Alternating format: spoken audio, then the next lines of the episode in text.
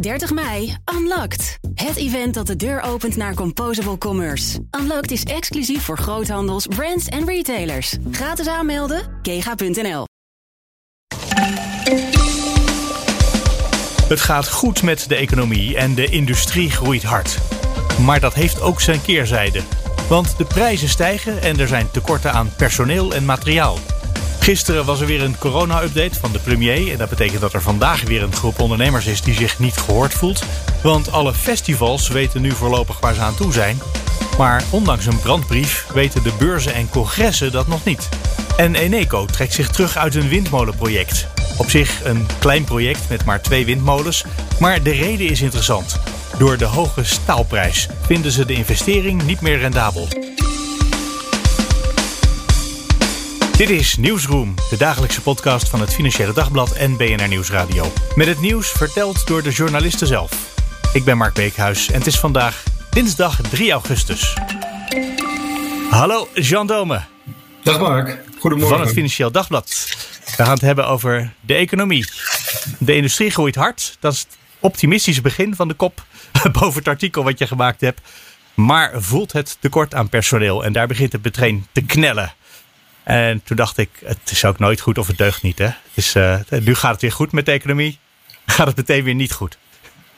Ja, dus het, een relativering past hier wel bij. Het gaat inderdaad, het gaat goed. Hè? Als we in maart 2020 hadden geweten waar we nu zouden staan, dan zouden we, nou, afgezien van, van de menselijke tol, hè, van het menselijke leed, zouden we ons een stuk ontspannender hebben gevoeld, omdat we wisten dat we economisch eigenlijk redelijk snel weer uh, nou, bijna ja. on top of the world zouden zijn. In dat opzicht, het, het gaat in veel opzichten goed. Hè? En dan ook weer natuurlijk met de disclaimer dat er heel veel ondernemers zijn in een aantal branches die harde klappen hebben gehad. Maar uh, als je dit vergelijkt met de financiële crisis 2008, die periode, dan uh, zeg ik altijd komen we eigenlijk met een blauw oog ervan af. Ja, staat een mooi grafiekje bij het artikel wat je gemaakt hebt. dat is de inkoopmanagersindex voor Nederland. Ja. En als je dan ziet hoe diep en hoe breed uh, de dip was van de kredietcrisis in 2008. En als je het vergelijkt met waar we, ja, wat we nu net hebben gehad. Ja, dat, dat stelt bijna niks voor. En sterker nog, sindsdien hebben we, is het alweer zo groot en breed aan, aan de pluskant. Uh, bijna net zoveel als de crisis uh, in 2008 diep was. Precies, het is natuurlijk een. We kijken eigenlijk terug ja, voor, uh, dit is natuurlijk de grote verzoeken wat ik nu zeg, maar het ziet ernaar uit dat we nu terugkijken op een zeer ja. uitzonderlijke crisis. Je weet ja. het nooit met Delta en andere varianten, uh, wat ons nog boven het hoofd hangt. Um, maar we kijken terug op een zeer uitzonderlijke crisis. Die, er was op zich niet zo heel veel mis met de economie. Het kwam echt van buiten. Het is, ik heb het wel eens omschreven als een grote botsing eigenlijk die plaatsvond waardoor de economie een opdoffer kreeg. Um, en je ziet dat op het moment dat, um, dat, dat, die oorzaak wordt weggenomen, dan gaat het herstel ook razendsnel. Dat is ook wat we nu zien in de industrie. De, um, de vraagkant, hè, de vraag trekt enorm aan vanuit binnen- en buitenland. Dat is ook eigenlijk wat je uh, ziet bij die uh, inkoopmanagersindex. En dan gaat het niet om de vraag of het nu een onsje minder is dan een maand eerder of twee maanden eerder. Eigenlijk zijn dat hele hoge scores. Dat betekent eigenlijk dat inkoopmanagers die zijn ook optimistisch over de komende maanden. Misschien iets minder optimistisch dan daarvoor, maar over de hele linie staat dat er keurig voor. Het probleem, het probleem zit eigenlijk aan de aanbodkant. En een van de gesprekken die ik gisteren voerde was met uh, econoom, analist Albert Jan Zwart van ABN AMRO. En we spraken over de vraag van, ja, um, hoe, hoe kan dat nu dat het uh, aan die aanbodkant zo is misgelopen? Er zijn natuurlijk diverse redenen voor. Hè. Het heeft te maken met, met, met corona zelf, dat uh, de fabrieken zijn stilgevallen.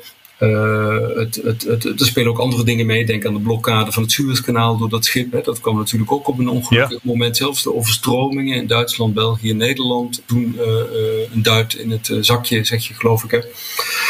Maar ook iets interessants. Hij zei, ja, er was vorig jaar heel veel paniek. Um, de industrie was heel pessimistisch, omdat we eigenlijk op dat moment in maart, april de impact werkelijk niet konden voorspellen. We waren bang dat er iets, echt een, een, een, een de donkere wolken schier oneindig waren die boven ons hoofd hingen. Ja. En hij zegt als de inkoopmanagers toen hadden geweten wat de impact zou zijn van de ondersteuningsmaatregelen van, van de politiek, van al die overheden. Nou, dan hadden ze waarschijnlijk heel veel bestellingen niet geannuleerd. En hij gaf als voorbeeld uh, het annuleren van bestellingen van chips voor de auto-industrie. En uh, nu moet je maar afwachten wanneer ze komen, of heb je misschien wel tekorten. En dat, is ook een goed voorbeeld inderdaad. Van als de, de economie zou op zich best wel uh, auto's op de, meer auto's uh, aankunnen qua verkoop. Maar grondstoffen zijn een probleem. En dat geldt ja, op heel veel plekken. Ik hoorde het laatst ook, uh, elektrische fietsen zijn ook heel populair tegenwoordig naar het schijnt. En uh, ook daar moet je verdraaid lang op wachten op het moment. Niet van alle merken, maar van sommige wel. En um, dus, dus dat is interessant. Dus daar zit een, een, een mismatch eigenlijk tussen vraag en, uh, en aanbod. Ja, we gaan het straks ook hebben in deze podcast over windmolens die moeilijk op ja. het ogenblik te bouwen zijn. Omdat staal zo duur geworden is.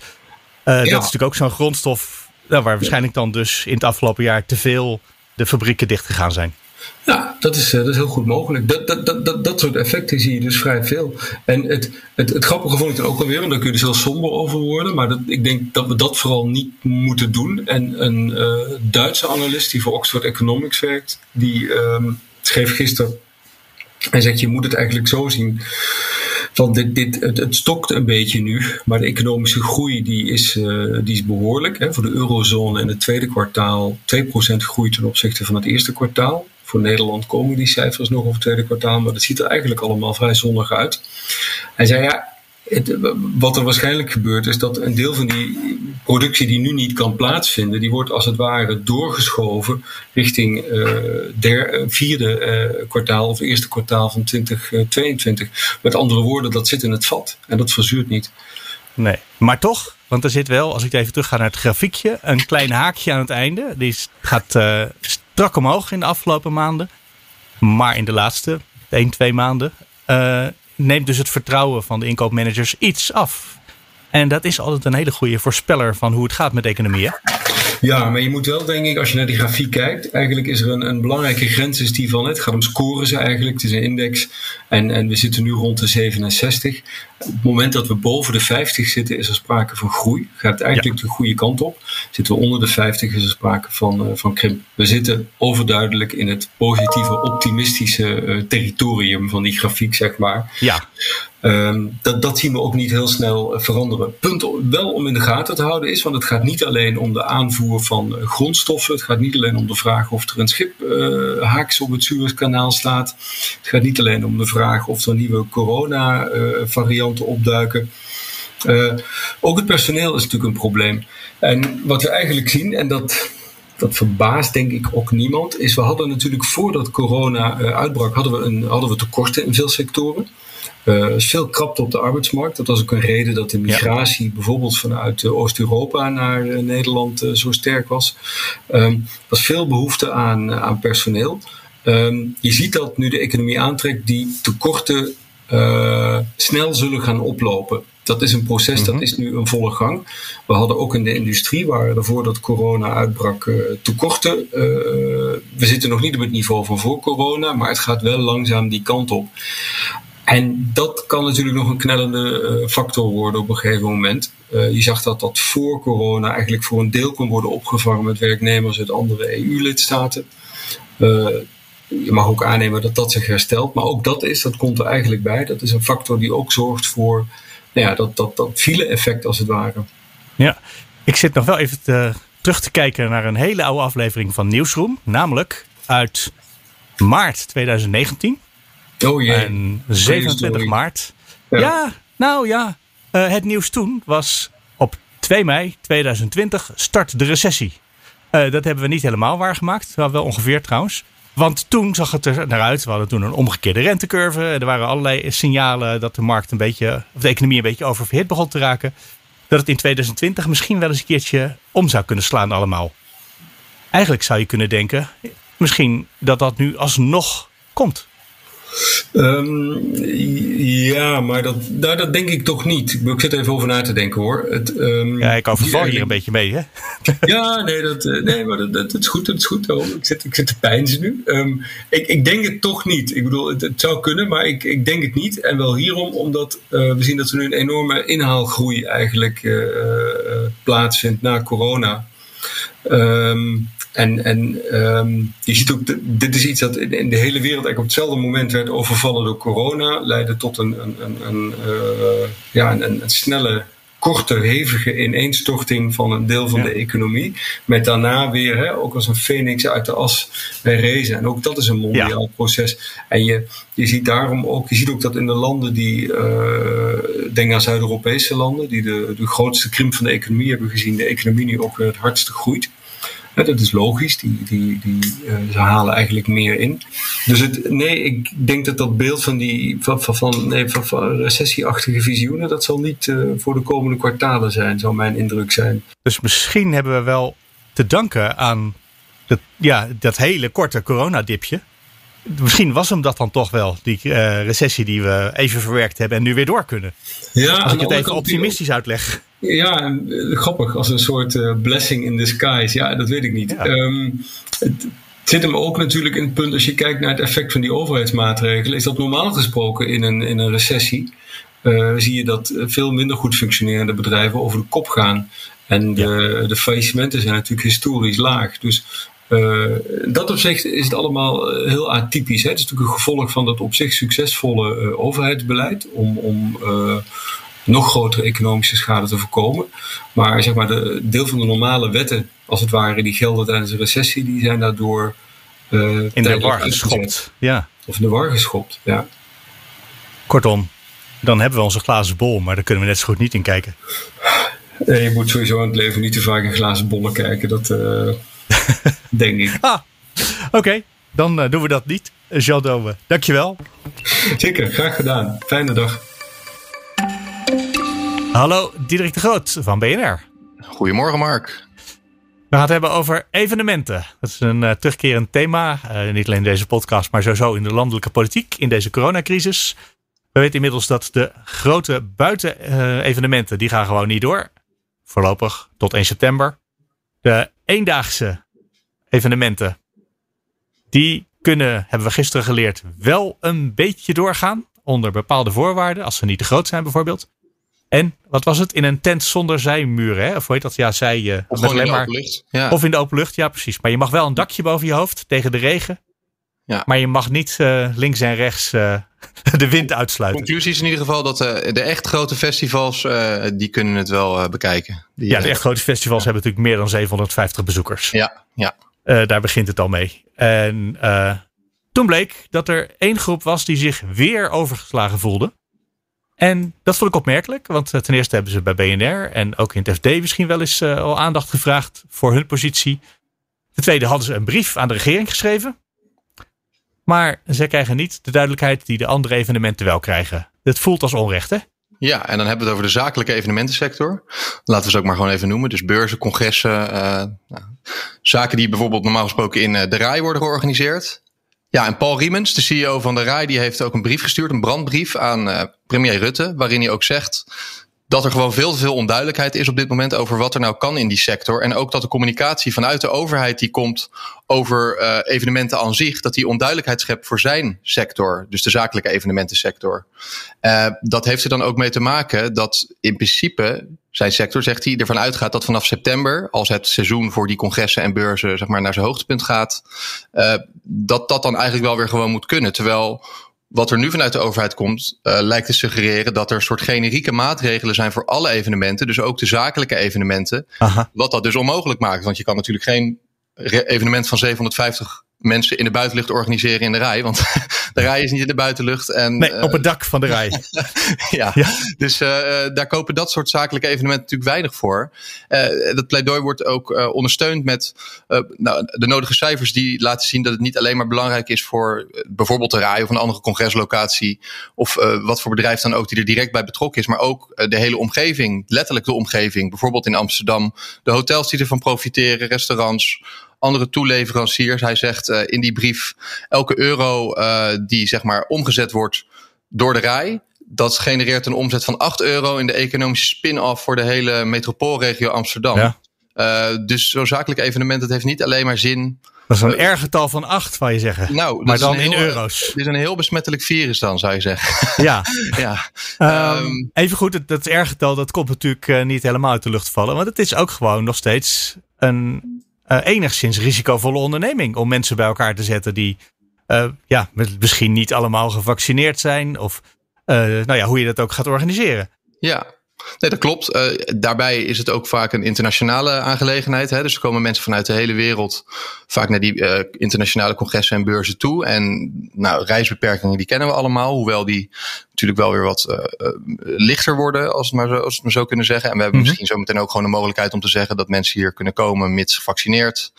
Nou, dat zorg geeft alweer wat minder zorgen. Uh, die mogelijkheid hebben we zelfs al. Um, uh, in die brief zegt Paul Riemens overigens, uh, uit onderzoek blijkt dat zakelijke evenementen niet tot de hoogste risicocategorie behoren. Uh, maar ja, dat heb ik van elke branchevereniging in de ja. afgelopen maanden gehoord. Dat hun branche toevallig niet de risico's oplevert. Ik weet het, ik weet het. het is dus een, dat, uh, die zin neem ik met een korrelzout. ja. Dat is waar, dat is waar. Um, je kan het helemaal, ja, ik, weet, ik, weet, ik ken niet de wetenschappelijke onderzoeken die specifiek zullen zijn gedaan naar zakelijke evenementen, als die er al zijn. Uh, Field labs zijn er geweest, hè? nee, ja, ik weet, ja is, of die daar op dat gebied zijn geweest, dat weet ik Ja, nou, die zijn niet openbaar geworden, dus dan weten we niet wat daar uitgekomen is. Maar goed, is, een... het is natuurlijk inderdaad, ja. uh, elke branche zal het zeggen, maar het is in die zin ook wel weer logisch dat het, uh, dat het wordt gezegd. Ja. Uh, en ik snap ook wel het pleidooi voor duidelijkheid, snap ik. want er wordt ook ja. voor de duidelijkheid, dat is waar, waar ze vooral op, op zitten op dit moment. Niet eens zozeer van het is veilig, dus doe maar gewoon. Maar geef in ieder geval duidelijkheid, want op dit moment is die duidelijkheid ja, op dit moment en, is die duidelijkheid er wel natuurlijk. Want we hebben hele heldere regels. En we weten dat er op 13 augustus weer nieuwe regels komen voor 1 september en daarna. En die regels zijn ja. toch gewoon, uh, je mag binnen met uh, een derde van de bezetting of met twee derde van de bezetting, als iedereen een eigen stoeltje heeft, geplaceerd zoals dat zo mooi heet. En twee derde van de bezetting die je normaal kan hebben, dat mag als iedereen uh, met testen voor toegang binnenkomt. Dus die regels zijn wat mij betreft hartstikke helder. En die gelden voor zakelijke evenementen, zoals ze voor alle evenementen gelden. Dus ja. is het ook niet zo dat deze branche gewoon uh, met duidelijkheid bedoelt: wij willen graag extra mogelijkheden? Ja, dat zou natuurlijk kunnen. En dat willen ze natuurlijk ook. Dat wil iedereen. Maar het gaat ook om die periode tot bijvoorbeeld 13 augustus, maar ook tot 1 september. Dus tot 1 september is nu het, uh, het verbod op meerdaagse evenementen bijvoorbeeld uh, gehandhaafd. Een zakelijk evenement is ook vaak een meerdaags evenement. Ja, en, dus dat valt daaronder. Uh, Hartstikke helder. Nee, ik snap, ja, in dit opzicht snap ik de onduidelijkheid niet helemaal hoor. Ja, maar dat, uh, dat is dus misschien ook niet helemaal waar. Um, onder deze regels, zegt de RAI, wordt verondersteld dat zakelijke evenementen wel doorgang mogen vinden. Gelet op het feit dat hierbij geen overnachtingen op het evenemententerrein zijn. Hm. Uh, dus dat is iets anders dan een festival zoals Lowlands, waar uh, tienduizenden mensen met een tentje op een veld staan. met andere woorden, wat zij zeggen is dat er wordt door bijvoorbeeld internationale organisatoren en deelnemers wordt dit geïnterpreteerd als een verbod ook op die meerdaagse zakelijke evenementen, terwijl dat feitelijk niet zo is. Dus als zij... elke ochtend iedereen maar met dat groene vinkje bij de deur weer even opnieuw checken, alsof het een serie achtereenvolgende eendaagse evenementen is. Ja, precies. En dat maakt natuurlijk, uh, laten we eerlijk zijn, ook wel uit. Want uh, als je op Lowlands gewoon het drie dagen lang of vier dagen lang uh, door elkaar laat krioelen zonder dat je daar nog een keertje een extra controle op gooit. Of bijvoorbeeld, stel je zou zeggen, je moet elke dag opnieuw een test doen, kan je voor zo'n afzakelijk evenement natuurlijk een stuk makkelijker zeggen dan als iedereen op het festivalterrein al is. Um, ja, hoewel je tussen de camping, hoewel je tussen de camping en het grote podium best wel een poortje zou kunnen maken waar iedereen doorheen moet.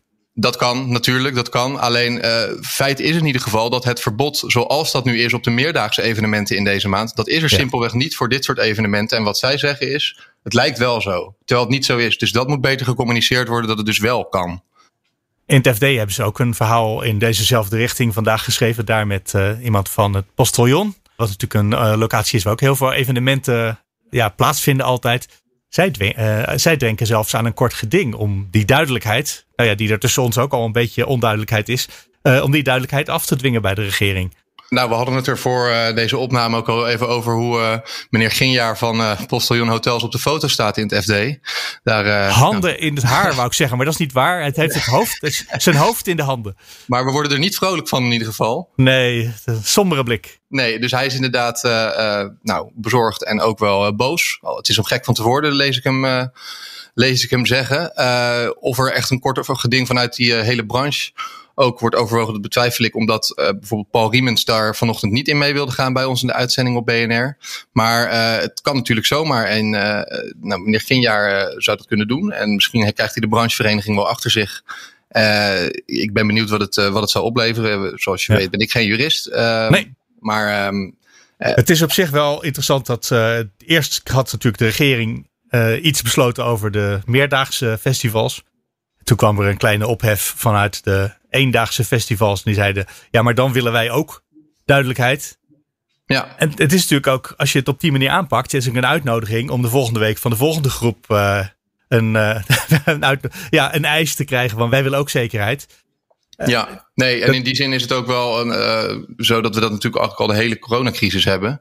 Dat de regering reageert op uh, eisen vanuit de samenleving. Ja, nou, maar ook dat de ene groep zich altijd wel wat achtergesteld voelt bij de andere. En uh, het is altijd lastig om dan te beoordelen van buitenaf wie er dan het meest gelijk heeft. Van wie is er nou het meest benadeeld en wie is er nou het meest uh, bevoordeeld. Nou, bevoordeeld, ik weet niet of je daarvan kan spreken. Nou, mm -hmm. Die onduidelijkheid blijft altijd bestaan. Wat bijvoorbeeld nu, wat ik regelmatig langs zie komen, is nogal wat ergernis over de voetbalwedstrijd Ajax-PSV. Mm-hmm. Komend weekend meen ik, waar 30.000 man mogen komen. Ja. Uh, waar anderhalve meter afstand uh, niet uh, gehouden hoeft te worden. Terwijl dus evenementen in de buitenlucht, helemaal in de buitenlucht, dus nog iets anders dan in een stadion. dat mag alleen maar met 750 man. En dat wordt dan ook wel weer gezien als ja, klassenjustitie, op maar zo te zeggen. Kan ik heel goed begrijpen. Maar ja, zeg maar, vertel mij maar. Uh, wat er dan weer wel zou moeten kunnen en dan zou dat weer niet moeten kunnen. Ja, je blijft altijd een beetje zo kibbelen, denk ik, zolang uh, deze regels bestaan. Het, ja. het, geeft de suggestie dat sommige sectoren een hele goede toegang hebben tot de regering. Terwijl bijvoorbeeld, ja, dit is natuurlijk, voetbal is voor veel mensen heel belangrijk, maar het is toch uiteindelijk niet de echte eerste levensbehoefte. Uh, nee. Onderwijs, dat zit nog steeds, we weten het nog niet. Nee. nee. Die hebben kennelijk minder toegang. Dat, ik gun deze meneer van Postillon en uh, de meneer van der Rai ook natuurlijk hun. Het, september begint het, uh, het, het begint, ja, september begint natuurlijk altijd hun seizoen. Dat ja. is het hoogtepunt van het jaar als het doorgaat. Precies. Maar ja, ik gun ook alle onder alle, alle wordt het, leerlingen en studenten ook gewoon een heel goed september uh, begin van het studiejaar. Nou ja, het wordt denk ik de vraag van is het nodig om die uh, zaken tegen elkaar af te wegen? Dus kan je alles doen? Of uh, moet je weer zeggen van we kunnen dat doen als we dat niet doen? dat is bijvoorbeeld hoe het vaak met de avondklok ging. Hè? Dat het werd gezegd nou als we de avondklok handhaven kunnen we dat weer gaan doen. Ja. nou, nou gaat de avondklok natuurlijk niet terugkomen, maar het zou natuurlijk wel zo, zo kunnen zijn dat, dat er wordt gezegd: als wij de scholen open gaan gooien en de universiteiten, dan kan het nog steeds niet zo zijn dat we dan ook de nachtclubs opengooien. Ja. dat soort afwegingen zou je blijven houden, denk ik. En dan ook dus automatisch boze ondernemers, boze studenten, boze. noem het ja. maar. Ja. Ja, en ik zag ook vorige week een overzichtje met waar de meeste besmettingen in Nederland op het ogenblik vandaan komen. En dat is, of nee, mee vermeden worden, moet ik eigenlijk zeggen. En de meest effectieve maatregelen waren thuiswerken, wat wij nu allebei zitten te doen, en scholen dichtgooien. Ja. Dus, als, dus er valt ook, wat dat betreft, zo, ja, ja, voor elk besluit valt iets te begrijpen en uh, de, de, nou, weerzin daartegen ook. Het is in ieder geval heel fijn als er uh, wetenschap is waar, uh, waarmee het kan ondersteunen. En dat is ook ja, niet alles geweest. Dus, het zou heel fijn zijn als de regering de wetenschap niet alleen volgt, maar ook uitlegt wat ze dan precies volgen van die wetenschap. Exact. Nou, en, en waarom ze af en toe dat niet ja. doen. En dan komen we bij de klachten van de mensen van deze sector. Precies, want dan komen we weer bij die communicatie en bij de duidelijkheid en bij de helderheid. Uh, die zouden ze ook als zelfs als ze zouden beslissen dat er hier nu niks kan, uh, kunnen ze die duidelijkheid dus nog wel geven. Uh, nu bestaat die onduidelijkheid in ieder geval nog wel en dat is uh, altijd slecht. Dirk de Groot, ik hou ervan om met opgewekte woorden te eindigen, maar dat gaan we gewoon niet doen vandaag. Dankjewel. Nee, waarom zouden we? Graag gedaan. ja, dat het belangrijk is om af en toe eventjes te zoeken naar ook nog een lichtpuntje. Ja, ja maar ik lach gewoon af en toe tussendoor, Mark. Ja, dat is waar. Doe nog even. yes. Ja, ik geloof je. Oké. Okay. Hallo, Hans van der Lucht van Energia. Goedemorgen, Mark. We gaan het hebben over iets waar mijn oog op viel op jullie website. Het artikel van jou natuurlijk. Over Eneco, die stopt met de bouw van twee windmolens op een uh, in een bepaald project. Omdat de staalprijs zo hoog is. Ja. En dat is weer nieuw, dacht ik. Dat, uh, precies, dat is inderdaad een opvallend bericht. Uh, even direct een nuancering. Ze stappen uit het project, maar dat wil niet zeggen dat de bouw ook stopt. Het is een project ja. dat ze samen doen met een energiecoöperatie in Gorkum. Twee windturbines, dus het is op zich niet zo groot. Daar zou dit voorjaar uh, de investeringsbeslissing voor vallen van zowel de coöperatie als uh, Eneco.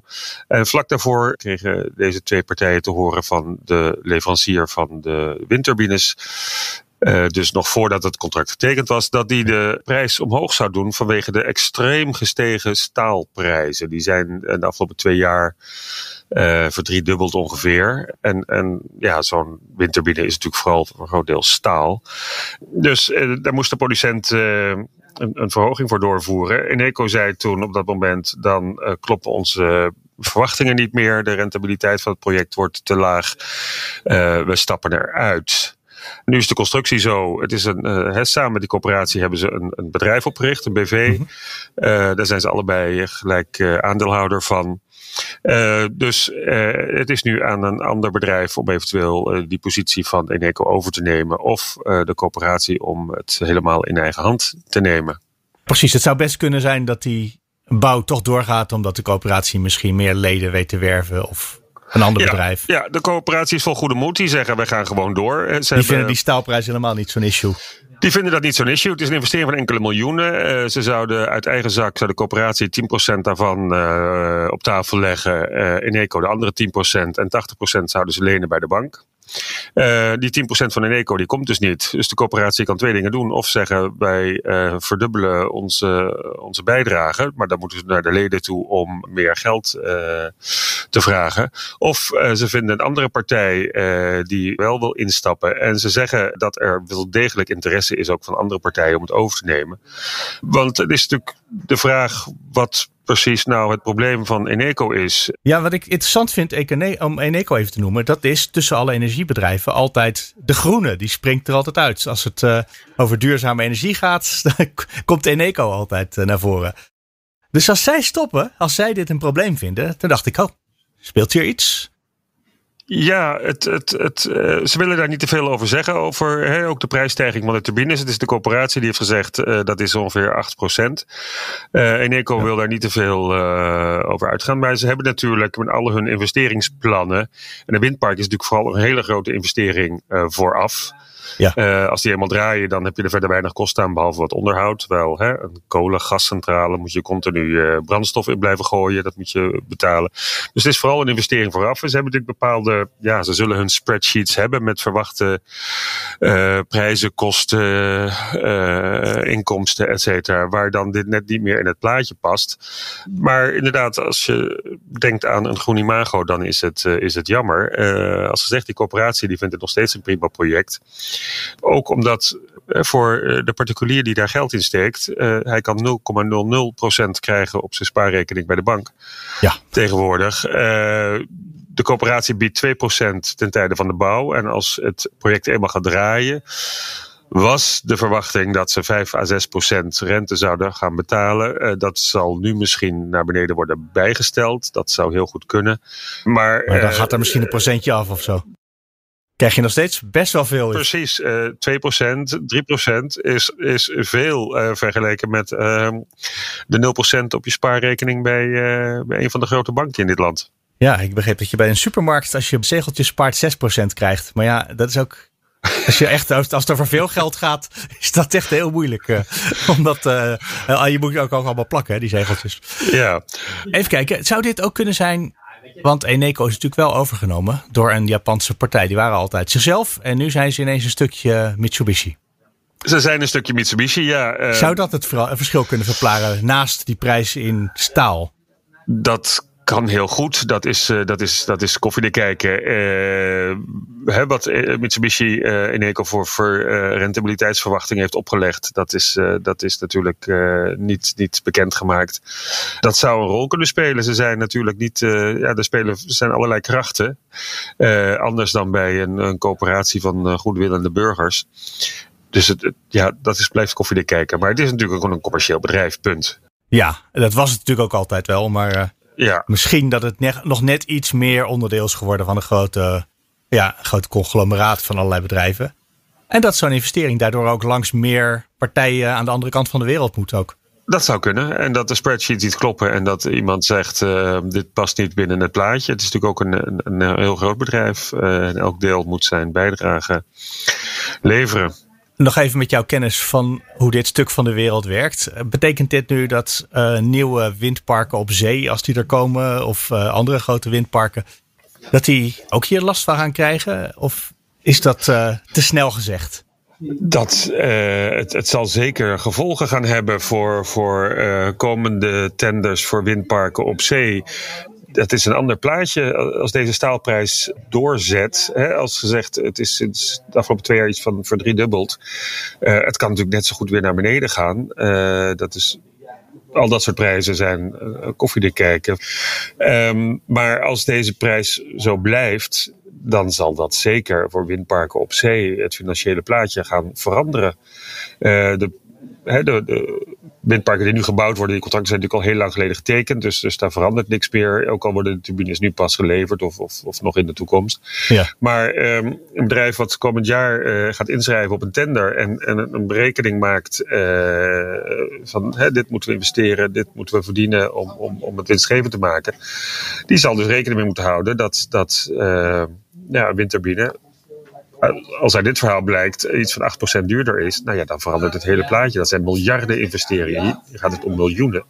In het park op zee gaat het om miljarden.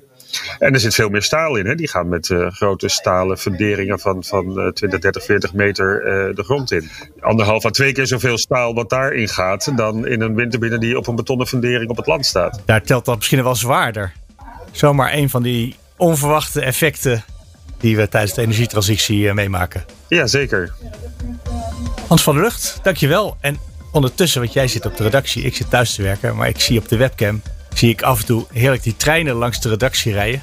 Dat geeft ook alweer even de gevoel alsof ik over een beetje op redactie aan het werken ben vandaag. nou, fijn dat ik je dat heb kunnen geven. Alleen al dat. Het was de moeite. Dankjewel. Graag gedaan, Mark. En dat was hem voor vandaag. Je kan altijd reageren. Mail naar nieuwsroom.fd.nl of nieuwsroom.bnr.nl. En de show notes, bijvoorbeeld om nog even die hele oude aflevering uit 2019 van Nieuwsroom terug te luisteren, die vind je natuurlijk op bnr.nl/slash nieuwsroom. Tot morgen.